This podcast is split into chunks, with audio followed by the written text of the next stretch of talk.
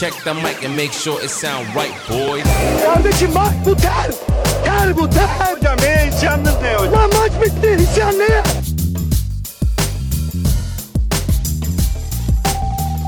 Ne güzel maçı yönetiyorsun. Baskı yiyoruz olabilir. Kardeşim geçen hafta İsmet Arzuman. Ulan ne güzel maç yönetiyorsun. Yazık değil mi bu mücadeleye? Yazık değil mi bu mücadeleye? Yazık değil mi bu mücadeleye?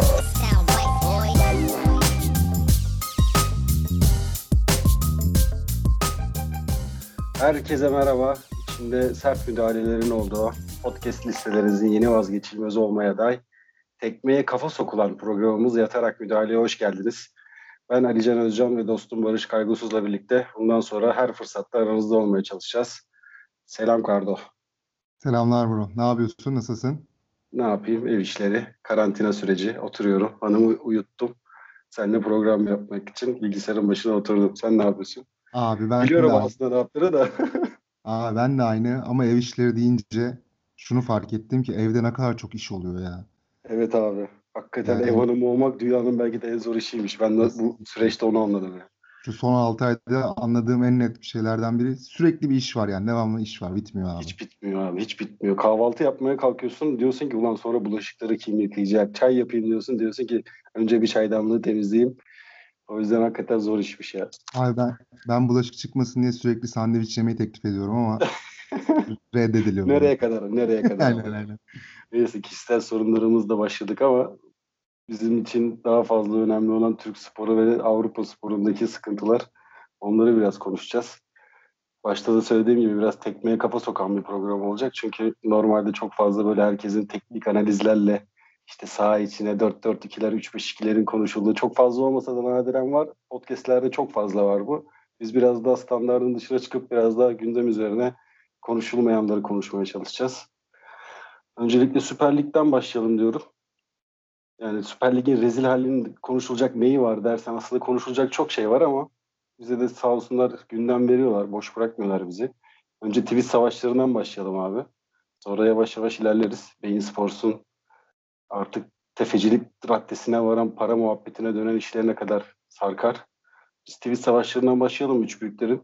Daha doğrusu iki büyüğün Galatasaray ve Fenerbahçe'nin. Ne düşünüyorsun bu konu hakkında Barış'cığım? Önce sana atayım topu sonra ben alırım. Çeviririz.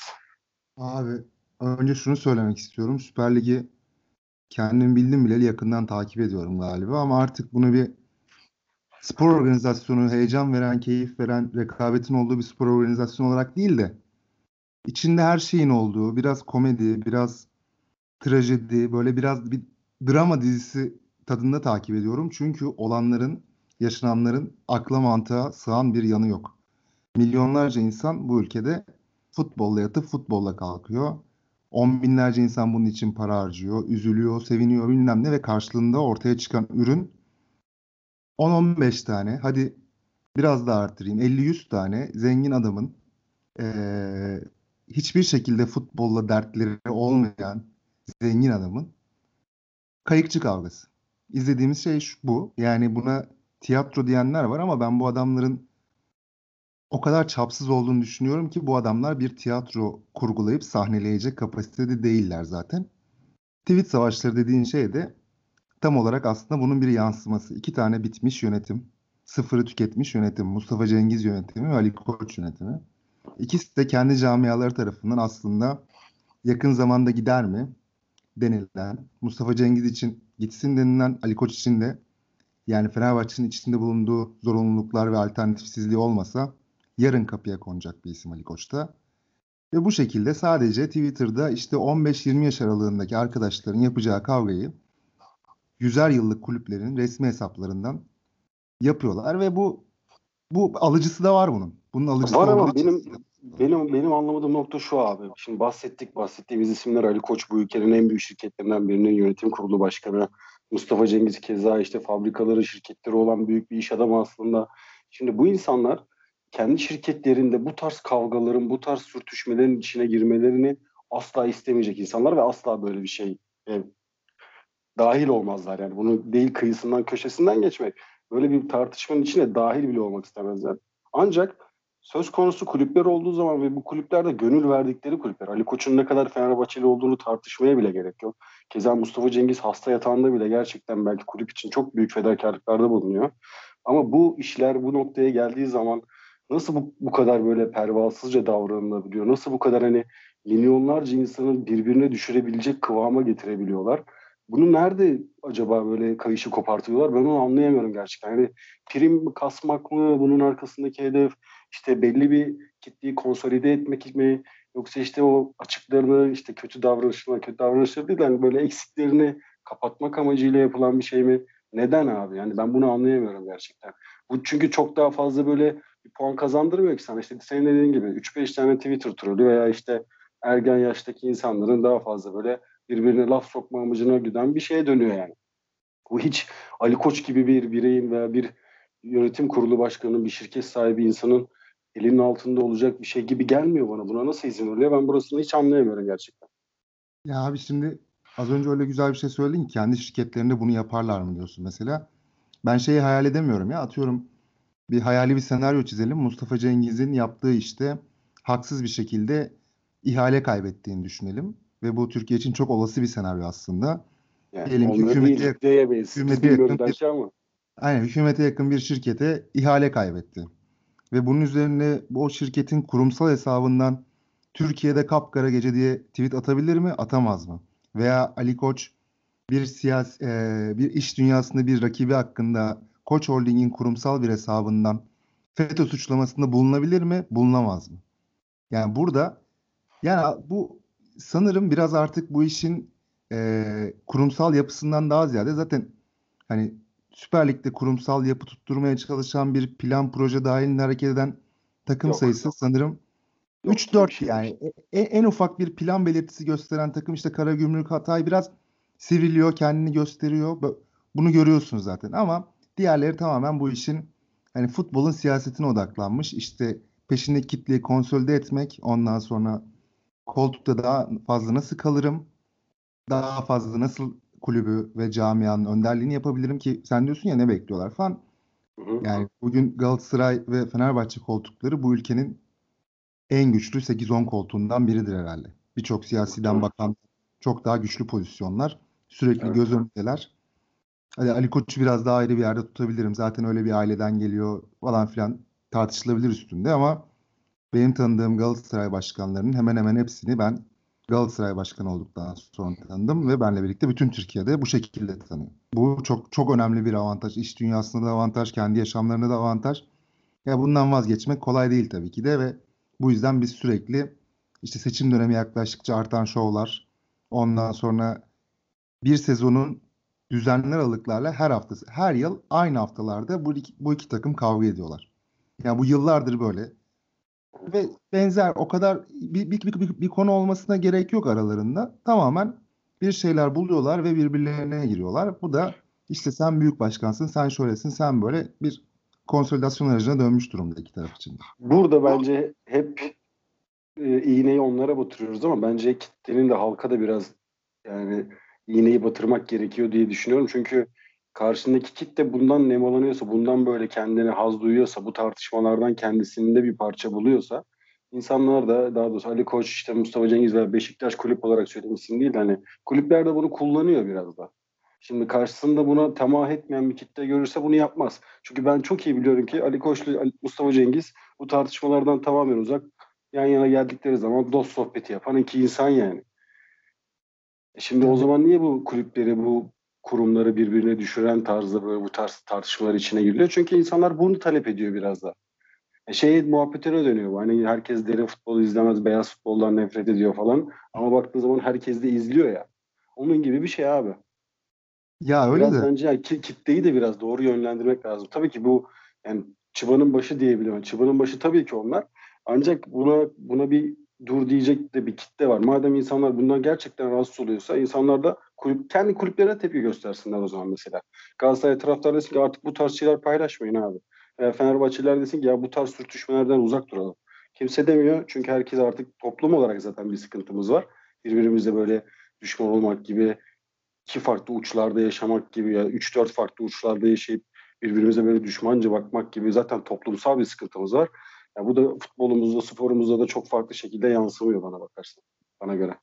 Ya öyle de burada bir yanılgıya düşüyor işte kulüplerde. Sanıyorlar ki o sosyal medyada sesi çok çıkan çoğunluk daha mantıklı veya kabul edilebilir veya peşinden gidilmesi gereken bir çoğunluk olduğunu Günü düşünüyorlar ama ben kurtarmak üzerine. Günü, günü kurtarmak, kurtarmak ve tamamen o sosyal medya batağına batmış durumda yani. Oraya göre, oradan gelen tepkilere göre kulüp yönetiyorlar ama aslında baktığın zaman orada yani yazanların birçoğu hararetli bir şekilde 16, 17, 18 yaşında çocuklar ve koca koca adamlar, koca koca şirket sahipleri bunların peşine bir noktada takılıyorlar. Takılmak zorunda hissediyorlar Ya kendilerini. abi bir noktada artık yaşı da geçmiş. Ben çok görüyorum yani Fenerbahçe tarafında da çok görüyorum. Yani yaşı 30-40 böyle 50 yaşındaki insanlar bile artık neler paylaşıyor, neler neler söylüyorlar.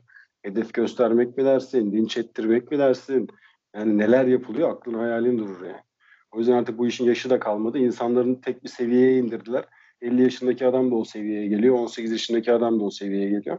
Çok tehlikeli işte nereye kadar gidecek bilmiyoruz. Evet bu, bu linç kültürünün bir sonu yok zaten. Sen de fark etmişsindir. Son dönemde şeyi görüyorum ben. Yani spor medyasındaki insanlar linç ediliyor sürekli ve sürekli şey Evet. işte eski tweetlerini öne çıkartıyorlar. İnsanlar tweetlerini çal, eee, silmek zorunda kalıyor abi ve Türkiye zaten herhangi bir sözü çok rahatça söyleyebildiğim bir ülke değil. Ben de sildim abi ne yalan söyleyeyim. Ben de sildim tweetlerim yani. Ne olacağımız belli değil anladın mı? Evet abi Yani evet. 19 yaşında açtım Twitter hesabımı. O zaman blog yazıyordum. Ve hani ağzıma geleni söyledim. Blogumu bile kapattım. Çünkü zamanında ben eskiden bakardım blogumda ne yazmışım. Gülü, gülüyor, gülerdim yani. Bakıyordum böyle nereye yazmışım. Ulan bunu mu yazmışım diye. Ama mesela o günlerde yazdığım şeyler beni bugün bulunduğum noktaya getirdi. Ama dışarıdan bir insan baktığı zaman vay şerefsiz bunu da yazmış görüyor musun falan diyecek bir tip var yani. Bir kitle var yani. Evet, İşte buna a- karşı mecburen kendini savunmak zorunda kalıyorsun. Aynen öyle abi. Neyse biz bu konuyu bıraksan sabaha kadar konuşuruz. Diğer gündemlere yavaş yavaş geçelim. E, çok bağlamından kopmadan zaten yine hakem hatalarına geçelim diyorum. Bu da benzer aynı torbada bulunan tartışmalar zaten. Çok farklı değil. Halk arasında olan konuşmalarından tut da işte kulüpler arasındaki yatışmalara kadar gene o tweet savaşında yaşanan o zihniyet bozukluğunun başka bir göstergesi gibi bir şey. Yani her gün herkes kendi lehine olunca susuyor. Aleyhine olunca ortalığı yangın yerine veriyor. Ama ortada tek bir noktada buluşmaları gerekirken orayı hep gözden kaçırmıyorlar bence aslında. Onu görmezden geliyorlar. Hakemlerimiz kötü abi bence. Ve çok fazla hata yapıyorlar. Bunun için bir art niyet taşımalarına gerekmeyecek kadar kötüler yani. O art niyeti taşıyıp onu yapamayacak kadar da bence yeteneksiz durumdalar. Ya da yeteneksiz demeyeyim de bir baskı altındalar. Kafaları tamamen bulanmış durumda. Ama işte gel gelelim bütün kulüplerimiz bana işte bizi şampiyon yapmayacaklar, bize şunu yapmayacaklar, bunu yapmayacaklar. Geçen Mehmet Demir kolu dinliyordum. O çok yani bu, bu yorumu daha önce birkaç kere daha yaptım. O kadar haklı ki. E o zaman oynamayalım abi bu oyunu. Madem Aynen seni şampiyon yapmak istemiyorlar. Bir de, Oynamayalım bir de abi. şey, ge- bir de şey geyiği var ya bu lig bitmez bu hakemlerle. Aynen abi. sene de görmedim yani. Evet abi nasıl oluyor ki yani mesela ya dün akşam Sergen Yalçın Beşiktaş maçından sonra şimdi Sivasspor'un bir pozisyonu oldu. Golden önce top taç, çiz, taç çizgisine çek, işte geçti mi geçmedi mi? Hı hı. Şimdi Sergen Yalçın'ın maç sonrası açıklamasında ne var abi alt tarafı bir top, taç diyor. Şimdi bence top içeride o iz düşürme muhabbetinde içeride denmesi çok normal kabul edilmesi. Ama mesela Sergen Yalçın daha bir hafta önce isyan bayraklarını açmıştı. Şimdi mesela bu, bu bakış açısı çok tezat geliyor bana anladın mı? O zaman ortak bir noktada buluşmamız mümkün değil. Herkes kendi istediğine göre çevirsin bunları yani. Evet abi zaten bir, bir samimiyet beklemiyorum ben herhangi bir kulüp çalışanından, teknik direktörden, başkan bir samimiyet beklemiyorum. Bu samimi çaba içerisinde olanlar da bir noktadan sonra özellikle büyük kulüpler için ha burada oyun böyle oynanıyor deyip sistemin bir parçası oluyorlar yani bu Evet. hiç hiç şaşırmadım yani Sergen Yalçın tam aleyhine yapılsa bu hata ortalığı ayağa kaldırırdı yani kesinlikle Hı. ki var hakemleri var kaldırılsın falan filan diyordu geçen haftalarda. evet. Yani şimdi çıkıp o zaman bir de Sergen Yalçın'a şey mi desin yani sen böyle böyle demiştin al sana sus payı verdiler mi desin yani.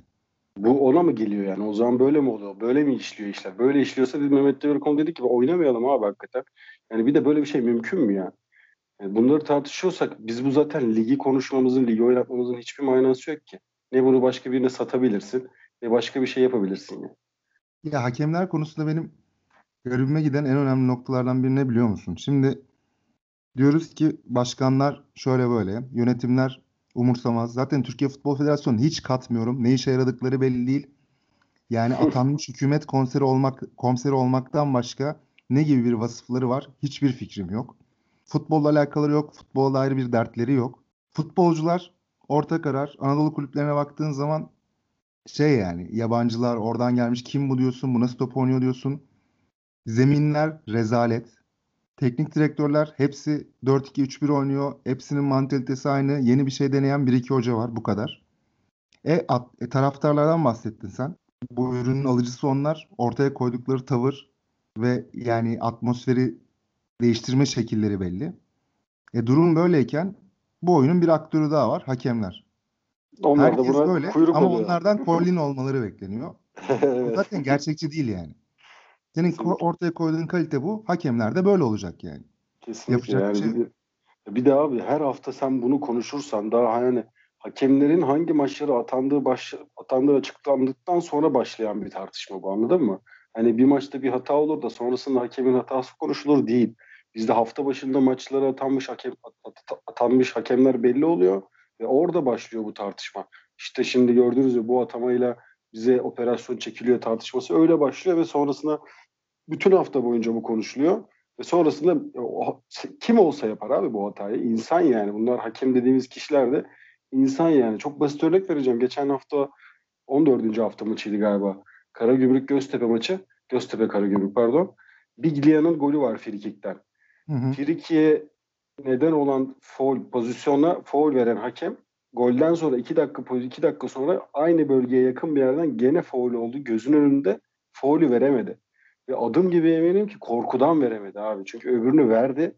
Bunu da verirse Biglia onu da gol yaparsa bu sefer ihale bana kalır korkusu var içinde. Ve çok bariz bir foul vardı orada. Gözün önündeki şeyi veremeyecek durumdalar. Bu psikolojide artık hakemler.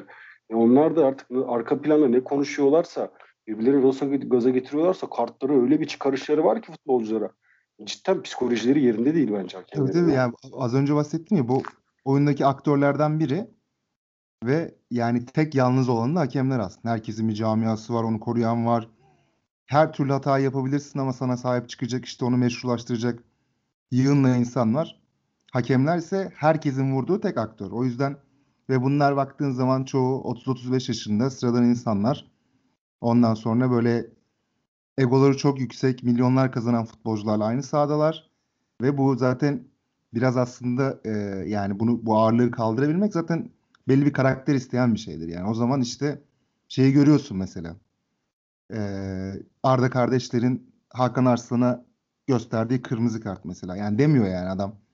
Ya şunu şunu ide- idare edemiyor yani. Orada o ortamın ağırlığını kaldıramıyor. Yok. Öyle kardeş- idare etmek diye bir şey yok. Adamlar yani tamamen düşman şekilde davranıyorlar ya. Evet evet tamamen hani o tamam sen bana bunu yaptın çat çat atıyor ve maçın bütün şeklini değiştiriyor bir anda. Veya Fenerbahçe Başakşehir maçında hem Rafael'in ardından hem Okan'ın hem de şeyin atılması. Okan Hoca'nın ve İrfan Can'ın atılması mesela.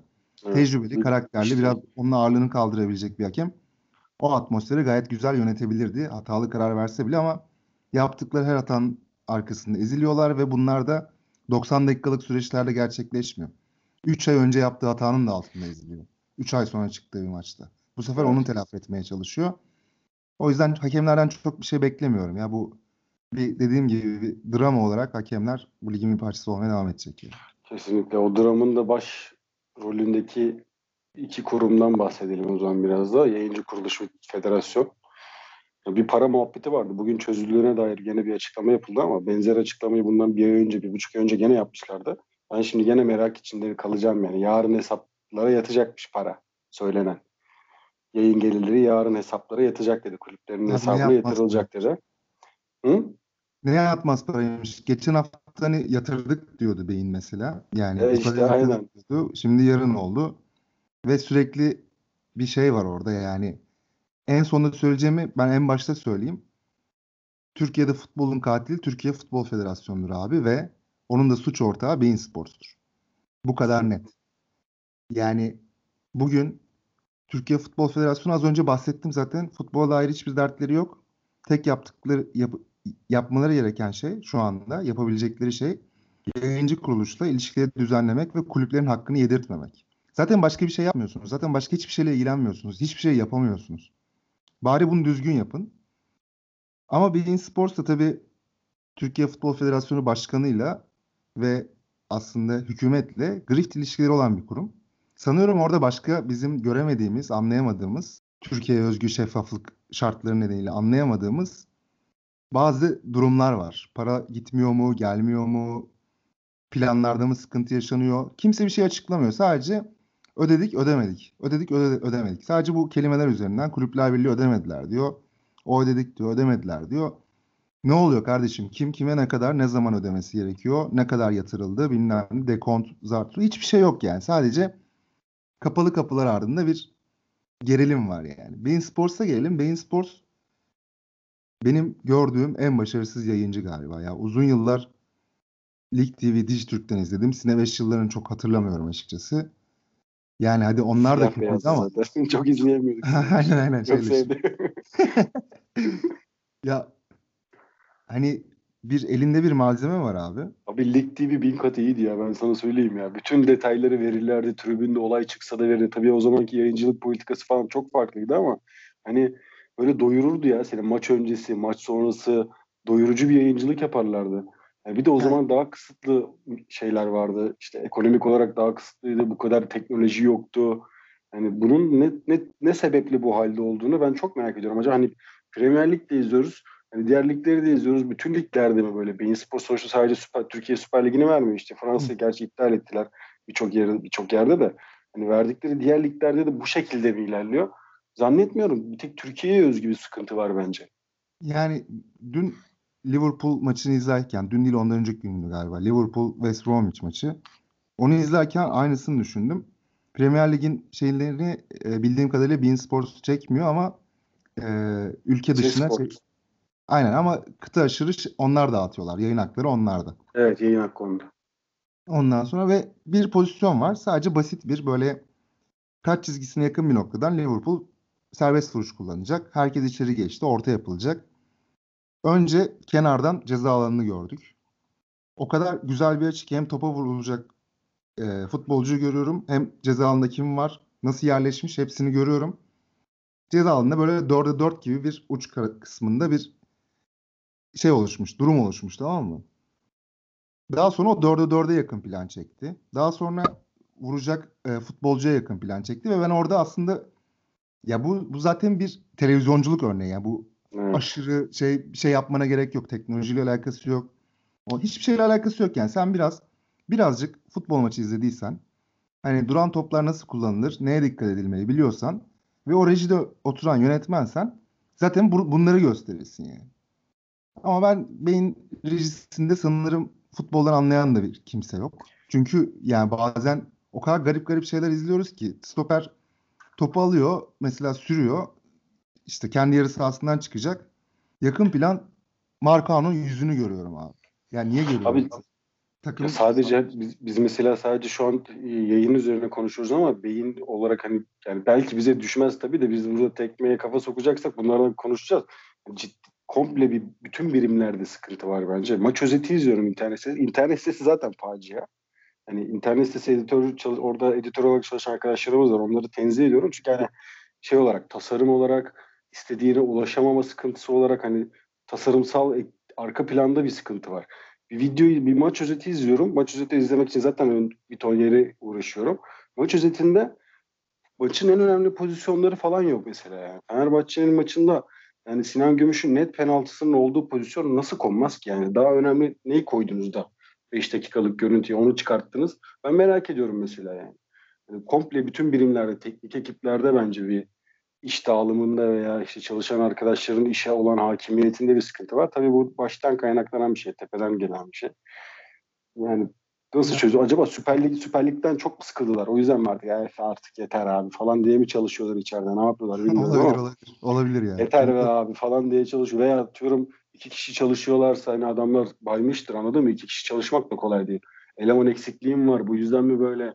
Çünkü artık hepimiz medyadayız. Hepimiz nasıl çalışıldığını, şartların ne durumda olduğunu az çok biliyoruz.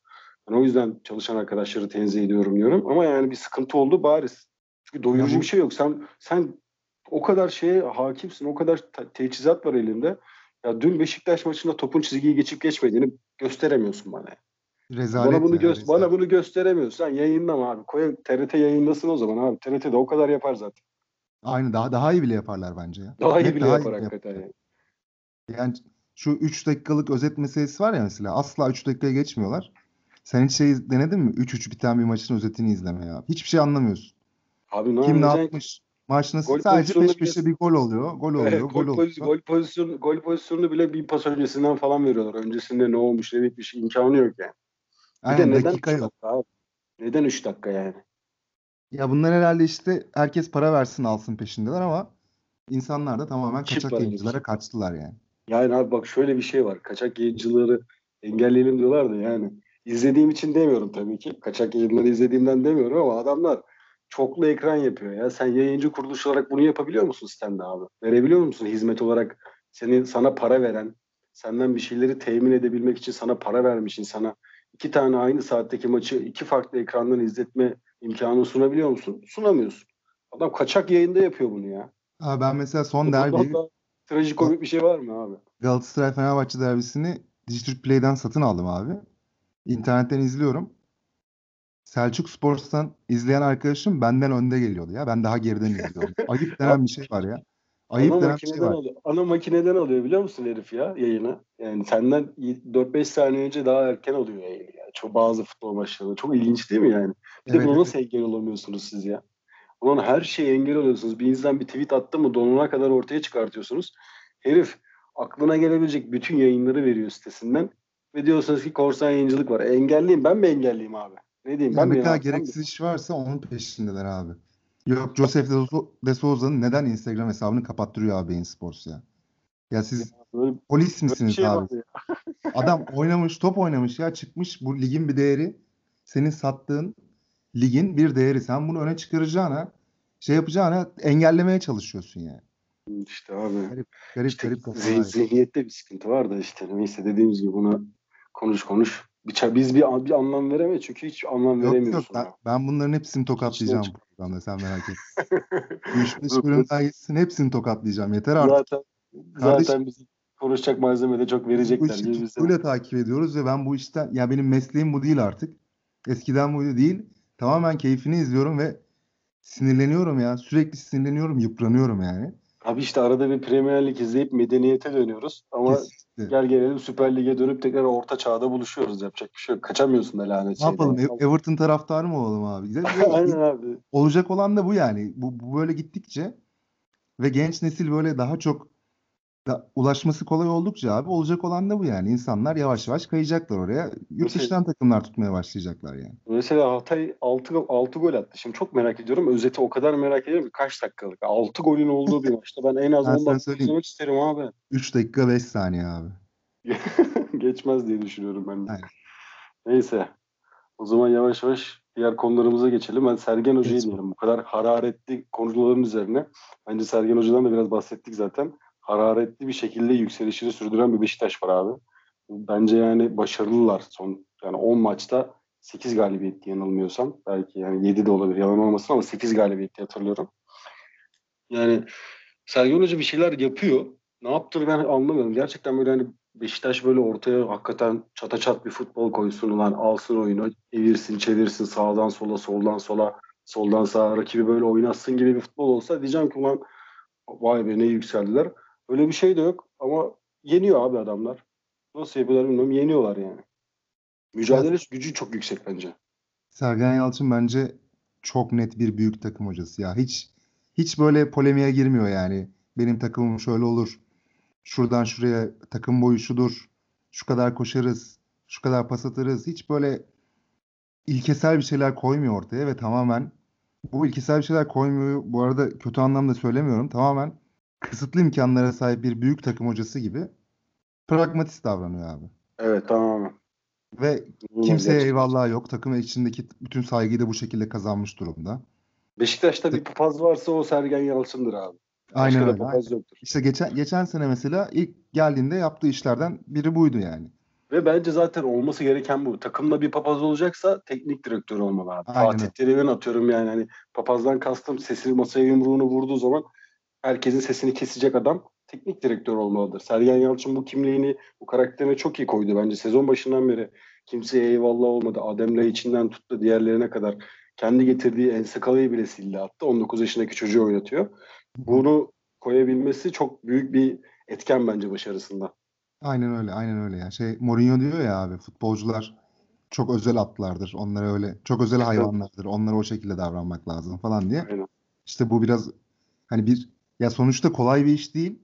Çok basit temelde baktığın zaman işte yaşları 20 ile 35 arasında değişen 25 tane adam. Ya 25 tane adamı yönetmek zaten zor ve bunlar sürekli göz önünde olan yıldızlar, milyon dolarlar kazanan insanlar falan. Hakikaten başka bunları yönetecek adamın da biraz karakter koyması gerekiyor ortaya. Sergen Yalçın'ın bence şu anda yaptığı fark yarattığı temel nokta bu.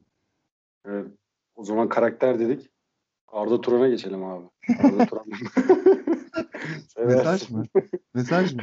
Hayır benim hiçbir mesajım yok. Biz ne diyorsak çata çat. Tekneye kafa koyuyoruz ama hani Galatasaray'ın Arda Turan'ı transfer etmesindeki en büyük nedenlerden biri Galatasaraylı olan bağı ve Galatasaraylılık karakteriydi bence. Yani çünkü son dönemdeki performansına baktığımızda çok böyle işte gelsin de bizi takıma alsın uçursun gibi bir zaten durumu yoktu Arda'nın. Gelsin takımda işte bir hava yaratsın. Fatih Terim'le beraber bir şey yaratsınlar. Ortaya bir şey sunsunlar ve etrafında toplansın diğer futbolcular gibi beklenti vardı. Biraz sallantılıydı ama hastalıktan sonra bence gayet iyi toparlamış gözüküyor şu an. Son iki haftaya, üç haftaya baktığımızda. Senin bir öngörün var mı Arda ile ilgili peki? Cardo ben Arda'nın bu kadar toparlanacağını hiç düşünmüyordum açıkçası. Hani yine çok dağıtır diye bekliyordum. Çünkü çok fazla böyle insanlar şey pusta bekliyordu çünkü. Bir de artık Galatasaraylısından Fener'ine sadece rakip takım taraftar değil. Sonuçta çok karşı olan Galatasaray kitlesi de var ona. Hı hı, En tabii. ufak hatasında, en, en ufak hatasını bekleyip ipini çekmek için pusuda bekleyen milyonlarca insan vardı Arda'nın. Ben bir yerden fire verir diye bekliyordum ama kendini çok iyi toparladı gibi duruyorum. Böyle devam ederse bence kimse tartışmaya yüz bulamaz daha doğrusu. Hani o işte ben Galatasaraylığımı donduruyorum abi diyen tayfa var ya. Aynen aynen. Onlar da, onlar da dize gelir diye düşünüyorum. Arda bence iyi gidiyor. Benim beklentimden iyi gidiyor. Ki Arda'nın zaten yapması gereken buydu abi. Hani biz ben Arda Atletico Madrid'deyken yemin ediyorum her maçını gururla izleyen bir adamdım yani. Bunu itiraf belki yani Fenerbahçeli olarak ama gururlanırım abi. Çünkü adam hakikaten bileğiyle bileğinin hakkıyla geldi oralara. Barcelona'ya geldiğinde de bile. Ama sonrasında yaşanan şeyler, sonrasında yaptığı hatalar yani artık çevresinden kaynaklı şeyler miydi? Futboldan nasıl bir anda bu kadar uzaklaştı? Nasıl kendini unutur bir insan? Tabii o noktaya gelmeyen insanlar olarak bizim bunu hayal etmemiz biraz zor olabilir. Bunu anlatacak kişi Arda'dır ki zaten öz eleştirisini her fırsatta yapıyor. Bu öz eleştirilerin samimi olup olmadığını görmekti Galatasaray'daki geçireceği günler. Ben şu an öz eleştirilerde yaptığı öz eleştirilerde samimi olduğunu şu anki performansına baktığım zaman yani bu gö- görebiliyorum açıkçası. Yani Sen bundan ne düşünüyorsun e, kritik Galatasaraylı iki olarak? sene önce abi Tudor kovulmuştu. Ve Tudor kovulurken arkasında hakikaten bence o dönem için e, son yılların en sempatik Galatasaray'ını bırakmıştı. İşte Gomis, Feguli, Fernando. Takım sempatikti yani izliyordun ve seni rahatsız edecek bir şey olmuyordu. Takım kazansa da kaybetse de fena top oynamıyordu falan filan neyse derken Tudor gitti. O devre arasında o zaman şöyle düşündüğümü hatırlıyorum. Galatasaray'ın önünde iki seçenek var. Birincisi Fatih Terim. Ama Fatih Terim gelmezse başka bir hoca gelirse de bu takıma bu devre arasında Arda Turan'la Burak Yılmaz gelecek. Çünkü o dönem Burak da işte e, sanıyorum Trabzonspor'a döndüğü dönem miydi? Tam evet Trabzonspor'a döndüğü dönem galiba. Arda da dönüş yolları arıyor Türkiye'ye ve Fatih Terim'in gelmesine her şeyden çok bunun için sevinmiştim. Arda ile Burak'a bu kulübün kapıları kapandı. Hani bu tarz toksik durumlar yaratacak adamlar kulübün kapısından girmeyecek. Bu şekilde devam edelim diye çok sevinmiştim. Sonra işte gel zaman git zaman Arda Başakşehir'e geldi bilmem ne. Geçen sene tartışmalar başladı. Geçen sene devre arasında hiç istemiyordum. Ama ondan sonra şeye döndü iş. Yine işte taraftar içinde bir e, linç havası, bir sidik yarışı. Kim daha çok istemiyor Arda'yı yarışına döndü. Ya beraber çalıştığım çok sevdiğim bir abim var. İşte ya- yaşça benden oldukça büyük. Ya bana dedi ki ya oğlum herkes ikinci bir şans hak eder. Niye bu kadar büyütüyorsunuz falan filan. Gelsin oynasın oynuyorsa burada bıraksın iki sene de oynasın. Kimler kimler oynadı Galatasaray'da falan diye düşünüyordu mesela. Çok şey yanlış bir fikir değil. Ama gelirken de şunu düşündüm yani. Ulan bu Arda gelecek. Ondan sonra her an hocayla tartışır mı? Kulüp kaosa sürüklenir mi? Takım içinde sıkıntı çıkar mı? Bunlar hep bir soru işaretiydi. Ama çok cüzi bir miktara oynuyor. Bu çok önemli mesela. Ve ondan sonra sahada her şeyini verdiğini görüyorsun. Ve takım içinde de ciddi bir etkisi var. Evet. Yani evet. bakıyorum Yabancı- altyapıdan yabancı çocuklarla futbolcularla ilgili- yabancı Instagram'da futbolcular- sürekli bir, bir şey yani sürekli bir takıma ayar peşinde yani anladın mı böyle evet. bilinçli bir şekilde takımı böyle içeriden yönetmek onların sürekli psikolojilerini ayakta bir kaptanlık yapıyor yani. Yapıyor Bu kesinlikle. hakkını vereceğim. Ama tabii Arda ile ilgili şöyle bir tehlike her zaman var yani. Bu sene yine böyle olur. Çok iyi oynar, devam eder. Galatasaray şampiyon da olur. Ondan sonra yine abuk subuk tartışmaların içinde olabilir yani. Yine böyle salak saçma gündemlerin içinde görebileceğimiz bir adam. Abi bu- bundan artık yakasını kurtaramaz çünkü arşivi unutmaz yani. Geçmiş, geçmişini silemeyecekse bu tartışmalar yani devam etmese bile Arda'ya bir acaba mı soru işareti bakışı devam edecek gibi duruyor işte. Yapıp yapmamak onun elinde. Dediğim gibi yani en ufak bir su koy vermede tekrar geçmişte yaptığı bütün hatalar önüne konulacak yani. Ona, ona göre yargılanacak. İşte orada biraz artık profesyonelliğini konuşturulması gerekiyor. Yel, hani artık genç de değil çünkü hani eskiden yaptığı hatalara, saha içindeki kavgalara, işte ona, onları bunları işte el kol hareketleri, gazeteci tartışmalara hadi derdin. Genç futbolcu bilmem ne hani cahilliğine ver bilmem ne falan denebilecek yaşı geçti artık Arda'yı Bir de şu an Galatasaray'daki konumu ve sorumluluğunu da göz önüne alınca hata kabul etmeyen bir durumda. Bir de hakikaten, hakikaten pusuda bekleyen milyonlar var ya. Çok fazla var abi. Yani fazla var. Çok normal ama bak bunu da kabul etmemiz lazım. O kadar hatanın, o kadar üst üste hatanın üzerine insanlar da bunu koz olarak kullanır. Sen insanlara kozu malzemeyi verirsen yerler abi. Affetmezler. Her kimleri kimleri yiyorlar burada da. Arda'yı mı yemeyecekleri? yani bu şeyde Türkiye Kupası maçından sonra Instagram'da dönen tartışmayı görmüş müydün sen? Hangisi o? Galatasaray 1-0 kazandı, zorlandı falan filan biraz. Ondan sonra Arda da işte bu hastalıktan yeni çıkmıştı falan. Ne biçim top oynuyorsun kaptan? 50'den sonra 60'tan sonra elin belinde bırak artık. Top seni bırakmış falan yazmış biri. Bu da cevap olarak Yani, şey yazmış. Alt üst Türkiye Kupası maçı çok büyütüyorsunuz. Hastalıktan yeni çıktık. Biraz insaf falan gibi bir şey yazmış. Bunda bir şey yok bence. Ama yani gel gör ki işte pusuda bekleyen onlarca insan direkt sen nasıl işte Türkiye Kupası'nda şöyle dersin diye Galatasaray formasıyla bu maça çıkıyorsun da. Ya kardeşim bütün dünyanın izlediği bir turnuva kardeşim Türkiye Kupası. Al spora kitleniyoruz ya. ya yani hepiniz göz ucuyla bakıyorsunuz bu maçlara ya. Bırakın ya bırakın ya. Bu işte bun, bunlarla baş etmesi biraz akıllı davranması gerek. Evet orada artık dediğim gibi orada 30 yaşına yani 30 yaşına geçmiş bir profesyonel ve Barcelona görmüş, Atletico Madrid görmüş, Avrupa futbolunun en üst düzeyinde oynamış bir topçu olarak artık hareket etmesi gerekiyor bence. Ama saha içinde şunu net hissettiriyor yani. Ben bu takımda oynayan en yetenekli futbolcuyum. Evet. Aslında Ya sezon başlarken bunu düşünen yoktu herhalde ama hakikaten yani Arda'nın ulaştığı yerlere ulaşmayı ne Feguli ne Belhanda hayal bile edebilir bence. Ya abi ben bir de şeye çok şaşırdım asıl ya. Belhanda ile arası inanılmaz iyi abi. Hiç dikkat ettim bilmiyorum ama maç içerisinde maç sonrasındaki böyle aralarındaki şakalaşmaları muhabbetleri bence Belhanda'nın bu kadar fazla isyan bayrağını açmamasının sebepleri de Arda böyle frenliyor olabilir yani. Olabilir olabilir. Ya ben işte bunların bilinçli tercih olduğunu düşünüyorum ya. Eğer öyleyse de hakikaten akıllıca yani gidip ya bu takımın iki tane oyun içi lideri var. Gidip onlarla yakın olmak, bir takım Evet. haline dönüştürmek için Kesinlikle. mantıklı yani. Ben valla bu hissiyatı aldım. Evet geçelim Arda'yı. Daha çok konuşuruz zaten Arda bize konuşacak şey de verir. Yani performans olarak da zaten daha çok konuşacağız gibi duruyor. İlerliyor çünkü yükseliyor. Fener'e birazcık konuşalım. Yani Fener'i zaten neresinden tutsan elinde kalacak ama elinde kalmayacak bir konu var abi. Max Cruz konusu. Taze. Milyonlu böyle gözlerimde dolarlar, eurolar işaretleri var yani. Cruz'e deyince. Poker oynamayı çok özlediğimi düşünüyorum. Cruz'e bahsedince. Sen de özlemişsindir diye düşünüyorum ama. Cruze gibi poker oynayamadım ya bir türlü. Öyle bir masaya ben de oturmak istiyorum abi. Hayatının kumarını oynadı ve kazandı diyebilir miyiz abi? Yüzde yüz deriz.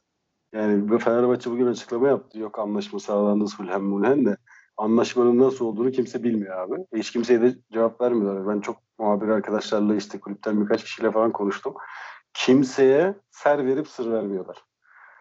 Açıklayın abi o zaman madem anlaşma sağladınız. Madem kulübümüzü bu 7,5 milyon euroluk yükten kurtarıldı. Nasıl Yani niye aç- kurtardınız? Niye açıklamıyorlar mesela? Ali Koç 6 ay sonra seçim var. Yani Fenerbahçe Genel Kurulu'nda bunun hesabını vermek zorunda değil mi? Yani FIFA'ya davayı açan Fenerbahçe, hata yapan Fenerbahçe yönetimi. Tamam mı? Ali Koç'a birileri danışmanlık vermiş, birileri kulağına bir şeyler fısıldamış ki bundan 3 ay önce Kruse çok yanlış yaptı, hayatının pokerini oynadı falan diyordu. E birileri hesap vermeyecek mi mesela? Bu konuyu şöyle böyle diyeyim, biz sulhen kapattık bilmem ne deyip ve çıkan para da öyle yani 5 milyon euro 6 milyon euro bunlar ya Max Kruse Berlin'de abi 975 bin euro kazanıyormuş ya. Geldi abi. ve burada bir senede 6-7 milyon euroyu aldı gitti. Ayıp denen bir şey var yani. Futbol endüstrilerinin büyüklüğü belli, ülkelerin ekonomik durumları belli. Ayıp denen bir şey var yani. Bu yani Ali Koç bu hatayı kendi de yapmış olabilir. Yönetiminden biri de yapmış olabilir. Kendi yaptıysa Ama hesabını verecek. hesabın verilmesi gerekir abi. Dediğin çok doğru yani 6 ay sonra seçim var. Arada hiç kimse sormayacak mı kardeşim paralar nerede?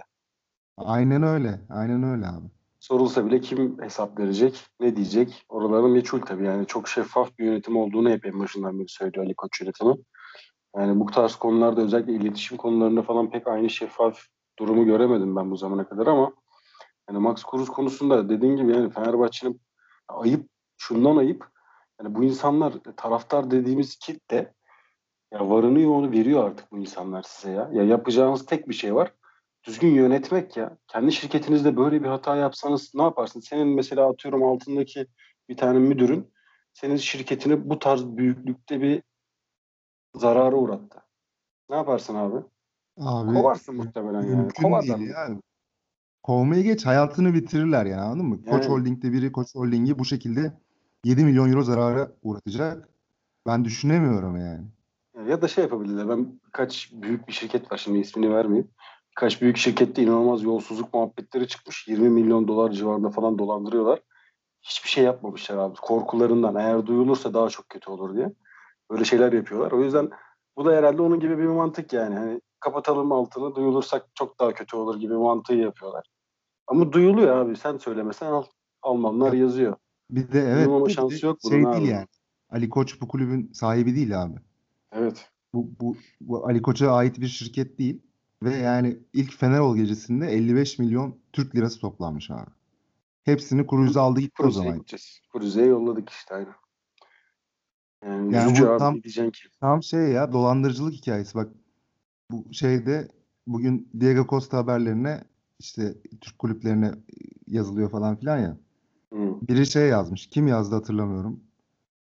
Bizim kardeşim Galatasaraylı biri. Kardeşim bizim dolandırıcımız bize yeter. Teşekkür ederiz. Falcao. Ta- tam öyle muhabbet işte yani. Evet abi kesinlikle ya. Yani burada ama o kadar çok ekmek yiyen adam var ki. Gerçi bu Kruse olayında zaten yiyecek ekmeği hepsini Kruse aldı götürdü. Ama dediğin gibi o kulüp içerisindeki zaten transferinde işte komisyonundan bilmem nesine kadar yani o kadar çok konuşulacak şey var ki aslında. Oralarda geliriz ileride. Muhakkak bize bir açıklık vereceklerdir. O yüzden zamanımız da daralıyor. Ben ufaktan Abdullah Avcı'ya geçeyim. Oradan Sumudika'ya geçmek için can atıyorum. Çünkü Abdullah Avcı zaten yani çok üzerinde şu an konuşmalık bir durumu yok. Elindeki malzeme belli bence. Yapacağı şeyler sınırlı, kısıtlı. İşte elindeki malzemeyle çorba yapmaya çalışıyor. Ne kadar güzel böyle baharat baharat çok fazla yok ama ne kadar işte içine katabiliyorsa bir şey. Ekobanlar, envaka yemeler. Bir şeyler yapmaya çalışıyor. Başarılı olur mu olamaz mı ben çok merak ediyorum. O yüzden seninle bunu konuşmak istedim aslında yani. Abdullah Avcı mı Trabzon'un ilacı? Yani Abdullah Avcı'nın ilacı Trabzon mu? Öyle bir çıkmazım var benim. Hani Trabzon gibi mesela o kadar işte nasıl diyeyim e, sabırsız, inatçı şey bir camia böyle katı bir camia. Abdullah Avcı gibi böyle sağ kenarında çok daha narin, daha fazla böyle biraz daha böyle sabır işi isteyen bir hocayla ne kadar mutlu olabilirler? Nereye kadar dayanabilir Abdullah Avcı bu baskıya? İyi başladı ama ne kadar gider hala benim için bir soru işareti. Gider mi sence abi? Bence çok gitmez ya bu hikaye. Abi, abi bence Trabzon Trabzonsporlarına Allah yardımcısı olsun ya. Yani Abdullah Avcı değil kadar Trabzonların bozuluyor. Evet evet yani Abdullah Avcı kadar bence Trabzonspor'un böyle genetiğiyle uyuşmayan ondan sonra şehrin böyle bütün taleplerine zıt karakterde ve aslında yani başarılı olduğu bir başarılı bir hoca olduğu şehir efsanesi bence Abdullah Avcı'nın da. Böyle bir hoca Trabzonspor'un başına getirildi. Getirilebilir. Bunu, hadi bunu bir, bir noktaya kadar yönetimin bir planı vardır. Ben burada ya bunlar tabii ki de hikaye 3 senelik plan kuracağım falan filan olmayacak Ya. şeyler. Trabzon gibi bir kentte. Hiçbir Süper kulüpte zaten- olmayacak şeyler de yani. Evet. Süper Lig'de 6 ay ortalama varmış abi zaten yani. Daha ötesi yok yani. Ama sen yani geçtiğimiz sezon devre arasında Ünal Karaman'ı gönderdin. Takım şampiyonluğa gidiyordu. Niye kendi- gittiği de belli değil. Niye gittiği de belli değil. Biraz işin içinde Yani siyaset evet. var. Biraz da senin şeyin egoların, Ego, başkanın ego. egoları Evet. yüzünden Ünal Karaman'ı gönderdin ve bir şampiyonluğa mal oldu. Ünal Karaman gittikten sonra takvim süresi olarak bir sene geçti neredeyse ama lig bazında baktığın zaman bir sezon bile olmadı. Bir devre öyle oynadık. Şimdi de bir devrenin sonuna gelmek üzereyiz. Ve bunun üzerine Abdullah Avcı senin üçüncü hocan. Üçüncü hoca. Aynen. Yani yani burada da bir başarısızlık olacaksa ilk hesap vermesi gereken kişi şey değil yani. Abdullah Avcı değil, Ahmet Ağaoğlu olacak. Kesinlikle, kesinlikle değil. Kesinlikle. Ya zaten şu an Abdullah Avcı'nın eline verilen kadro ve Abdullah Avcı'nın kendi futbol mantalitesi tamamen zaten zıt. Onlar da ayrı bir tezatlık oluşturuyor. Hoca da zaten çok farkında yani bu böyle gitmez diyor. Devre arasında transfer yapar mı? Ne kadarını başarabilir? İstediği şeyleri ne kadar yapar? Ama ben devre arasından sonra eğer istediği transferler ve istediği sistem oturmamış olursa sezon sonunu görebileceğini çok düşünmüyorum hocanın. Kendisi bile görmek istemeyebilir yani. Evet, evet bence de göremeyebilir. Göremeyebilir yani. Güzel bir maceraya atıldı ama şu an gidebileceği başka bir yani seçebileceği başka bir seçenek yoktu hiç olmadığı için bence biraz da mecbur kaldı gibi. Bence çok pişmandır ya şu anda. Yani Çünkü büt- bütün köşeler zaten Beşiktaş'tan maaşını alıyordur zaten. E, Evet. Erol Bulut'un da koltuğu çok sağlam sayılmaz. Yani Fener'e, Fener'e yani gelebilir Tabii. aslında. Gelemez diyecektim ama sezon başında konuşuluyordu biliyor musun? Ve ciddi Evet, konuşuluyormuş. bir de E- Emre Emre'nin gözdesi yani Emre ile arası da Evet. çok iyi. Ali Koç da çok sıcak bakıyormuş aslında yani. Yani o da O o işte da başka bir başka bir sabırsız camiaya başka bir yanlış tercih olurdu yani. aynen abi ama şey var Fenerbahçe'nin biliyorsun hoca seçerken yapay zeka kullanmışlar ya. Herhalde orada, orada Neymiş kullanamamış. o ya? Biliyor musun İlk abi? defa duyuyorum ben bunu yok. Ali Koç açıklamıştı ya unuttum şimdi muhabbetini hani nerede konuştuğunu da yapay zeka üzerinde işte ortalamalarını çıkartmışlar gündemdeki hocaların. En yüksek puanı Erol Hoca almış. Erol Bulut'un basın toplantısında söylemişti bu zannedersem hatta ya. Ya, En yüksek puanı o almış. Neye göre abi ben onu anlamadım ama. ya bomboş ya bomboş işte ya. Bu şey işte. Yani Komol biraz şey galiba. Profesyoneliz vitrini Evet yapmaya abi. çalışma açıklaması yani. Anladın mı? Evet, Hiç kesinlikle. E sonra ama madara oluyorsun abi bu konuda işte böyle yapınca. abi olursun tabii ki de yani. Yani şey muhabbetine dönüyor. Bin kişilik oyuncu havuzumuz var deyip benziye aynen. Aynen aynen. Aynen öyle abi. Zanka'yı alıp hiç oynatmadan kiralamak falan. Fireyler, mireyler yani neler oldu ya. Neler Ya işte yine Fener'e dönmüş gibi olacağız ama yani Evet. Frey gitti abi. Bu sene gitti. Gidenler Frey var, Falet var. Ondan sonra kim var abi başka? Ya bu Zanka var. 2-3 isim var. Mesela bu 2-3 ismi gönderdin. Yerine para ödeyerek veya imza parası vererek 2-3 isim aldın. Hadi yaptığı 2-3 Ademi'den bahsediyorum, Lemos'tan bahsediyorum. Ve gidenlerden hiçbir farkı yok bu adamların. Ya sen niye Yok o zaman abi. Zanka'yı gönderip Lemos'u getirdin ki? Bu E adamın an bundan artısı ne? Şu an Zanka olsa Zanka Tisserand yemin ediyorum ligin en iyi ikilisi olabilir. O potansiyel var. Yemin Evet, Zanka o kadar da kötü bir adam değildi bence. Evet bence de değil. Sadece etrafında oynayan adamlarla çok iyi değil. Yani Jason'da oynadı oğlum adam. Yani eküresi Jason'du. Evet. Ön libero'dan kırma adam stoper bile değil. E sağ beke bakıyorsun kimin oynadığı belli değil. Bazen Dirar oynuyor bazen başkası. E yani orta saha yok derken Zanka'da patlıyordu iş yani. Herkes ona bakıyor. Bence Zanka yani düzgün bir ekürüyle çok işe yarayacak bir adamdı. Bu kadro yapılanmasına girmiş ki o zaman direkt Somidika'ya geçelim abi. Yani işte konuştuk Trabzon'un kadrosu kötü, oldu kötü, bu Fener'de şöyle falan var.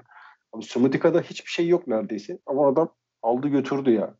Yani adam bütün ligin dinamiğini çözmüş yani anladın mı? Arkaya sağlam, ayakları yere sağlam basan çakı gibi savunmacı koyup önlerine birazcık böyle top yapan, teknik kapasitesi çok yüksek olmasa da alverini iyi yapan, kanatlara iki tane hızlı, oyun akan oyunda böyle jilet gibi gidecek iki tane o topçu.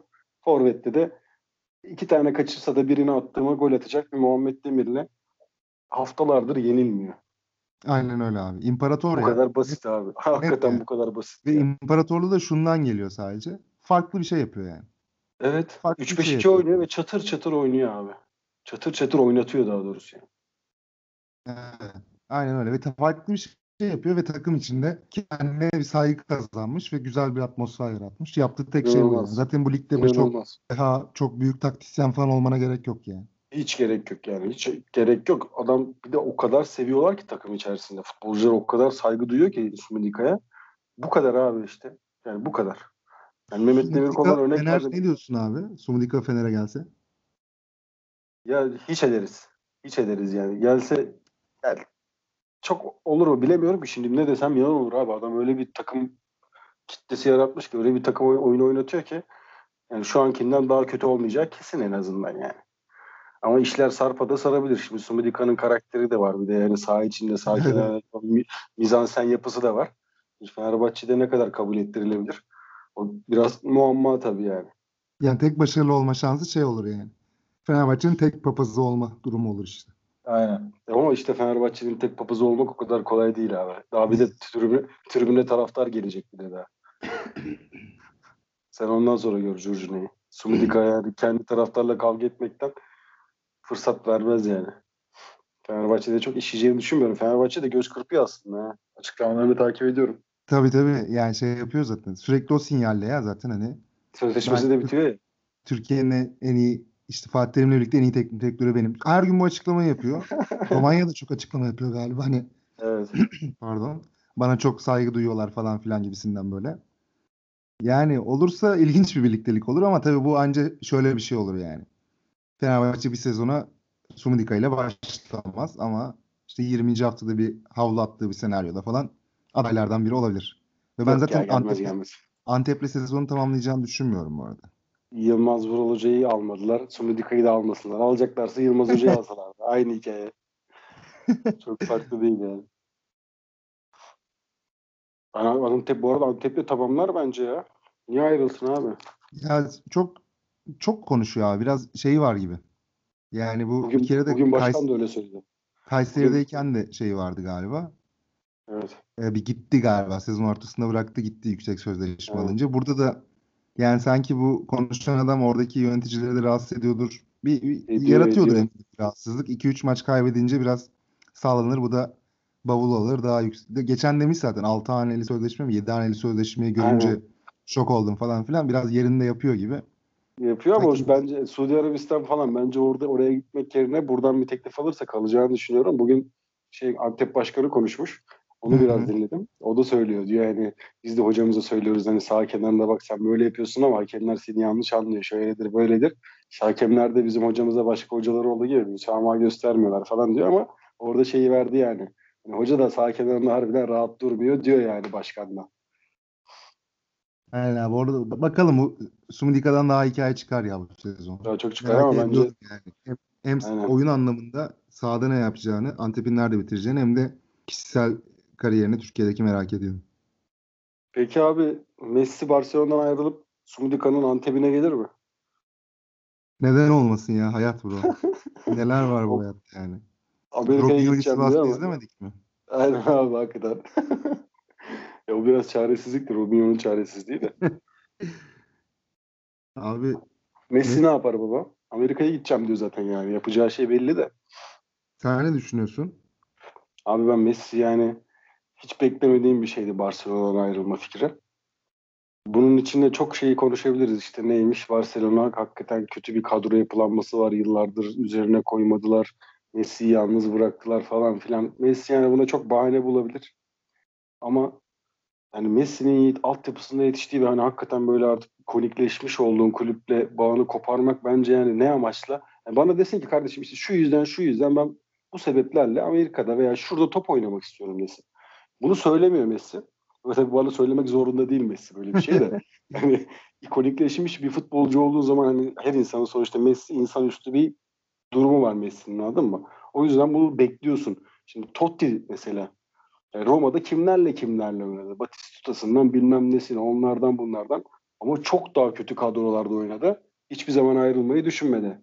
Steven Gerrard Liverpool'un yani en kötü günlerinde belki orada oldu. En güzel günlerinde olduğu gibi. Ama hiçbir zaman ayrılmayı düşünmedi. Messi neden Barcelona'dan ayrılmak istiyor? Ya bunun alt sebebini sadece işte çok kötü topçular var. İşte iyi kadro yapılanması değil falan gibi şeylerle dolduracaksa benim bütün saygımı kaybedecek abi Messi. Ya ben o Messi Barcelona arasındaki ilişkiyi artık bitmiş bir ilişki olarak görüyorum ya. Yani bitmiş bitmiş zaten ben- çok bariz. Artık bence Messi de Barcelona'nın sırtına yük. Barcelona da Messi'nin sırtına yük. Yani bu noktadan sonra artık bazı şeyler kopmuş ve Messi'nin de yani yeniden bir oyun iştahı yakalayabilmek için hiçbir oyun iştahı görmüyorum. Daha izleyebileceğimiz bir iki senesi daha var. Daha çok Avrupa'da var izleyebileceğimiz. Ama Amerika'da zaten oynar. Yani o yüzden yeni bir hikayeye başlamak bence iki taraf için de daha hayırlı olacak ama yani yeni bir yönetim gelip hadi Xavi'yi de hoca yaptık falan filan deyip tutabilirlerdi. Bence iki taraf için de fayda sağlamayacak ama. Yani Abi işte- kesinlikle ayrılması gerekiyor. Kesinlikle. Artık yeni bir hikayeye atlaması gerekiyor. Yani bu şey değil yani. Evet Totti, Gerrard böyle tamamladılar kariyerlerini ama bu ikisinden de hiçbir zaman beklenenler Messi'den beklenenler seviyesinde değildi. Yani Roma 10 senede şampiyon olmadı. Yani Totti bunun baskısını ağırlığını üstünde hissetmeyebilirdi veya Gerrard için de aynı şey geçerli ama Barcelona'da yani sürekli şampiyon Ama olmak hep zorunda. mücadele etti. Abi hep mücadelenin içinde oldu onlar da ya. Beklentiler Evet, evet, düşmüş olsa oldular. da mücadelenin içinde oldular. Ben Ba- Barcelona'dan ayrılışını tamamen mücadeleden, yani ayrılmak isteyişini tamamen mücadeleden kaçmak isteyen bir bakış açısı olarak görüyorum. Yani ben yedire, yedir kendime Messi sevgilisi, Messi sevgisi olan bir insan olarak ben beklemezdim ya. Hayal kırıklığına uğrattı beni. Sezon başında yaşanan olaylar. O yüzden gözümden düştü yani. Ronaldo'cu mu Messi'ci mi tartışmasında ben hep Messi'ciydim. Artık değiştirebilirim. Kimseciyim. Ronaldo'cu olmak da daha iyi bro. Ben, ben ben, de- ben de ikisi birdenciyim abi. Bu daha rahat. Abi o da yani. Harika. Oğlum, Çok, Bana da, evet, Çok- en rahat o dediğin çok gibi ama konforlu. bana gelmiyor işte. Ben illa birinden yana olacağım yani. Fanatiklik bende daha fazla ondandır. O zaman peki abi sana şunu soracağım. Messi gitti diyelim. Devre arasında veya atıyorum sene sonunda hadi bir seneyi de devirdi. Yerine Salah gelse doldurabilir mi? Bence doldurur. Bence de doldurur. Net Yani, doldurur. ya tabii- çok daha azimli oynar. Şu, şöyle, şöyle, şöyle bir durum var mesela. Orada yani bir kere hoca falan değiştirmesi lazım Barcelona'nın. Yani bu yapıyla devam edeceklerse yani Maradona mezarından çıksa gelse o da dolduramaz da. Yok fayda etmez.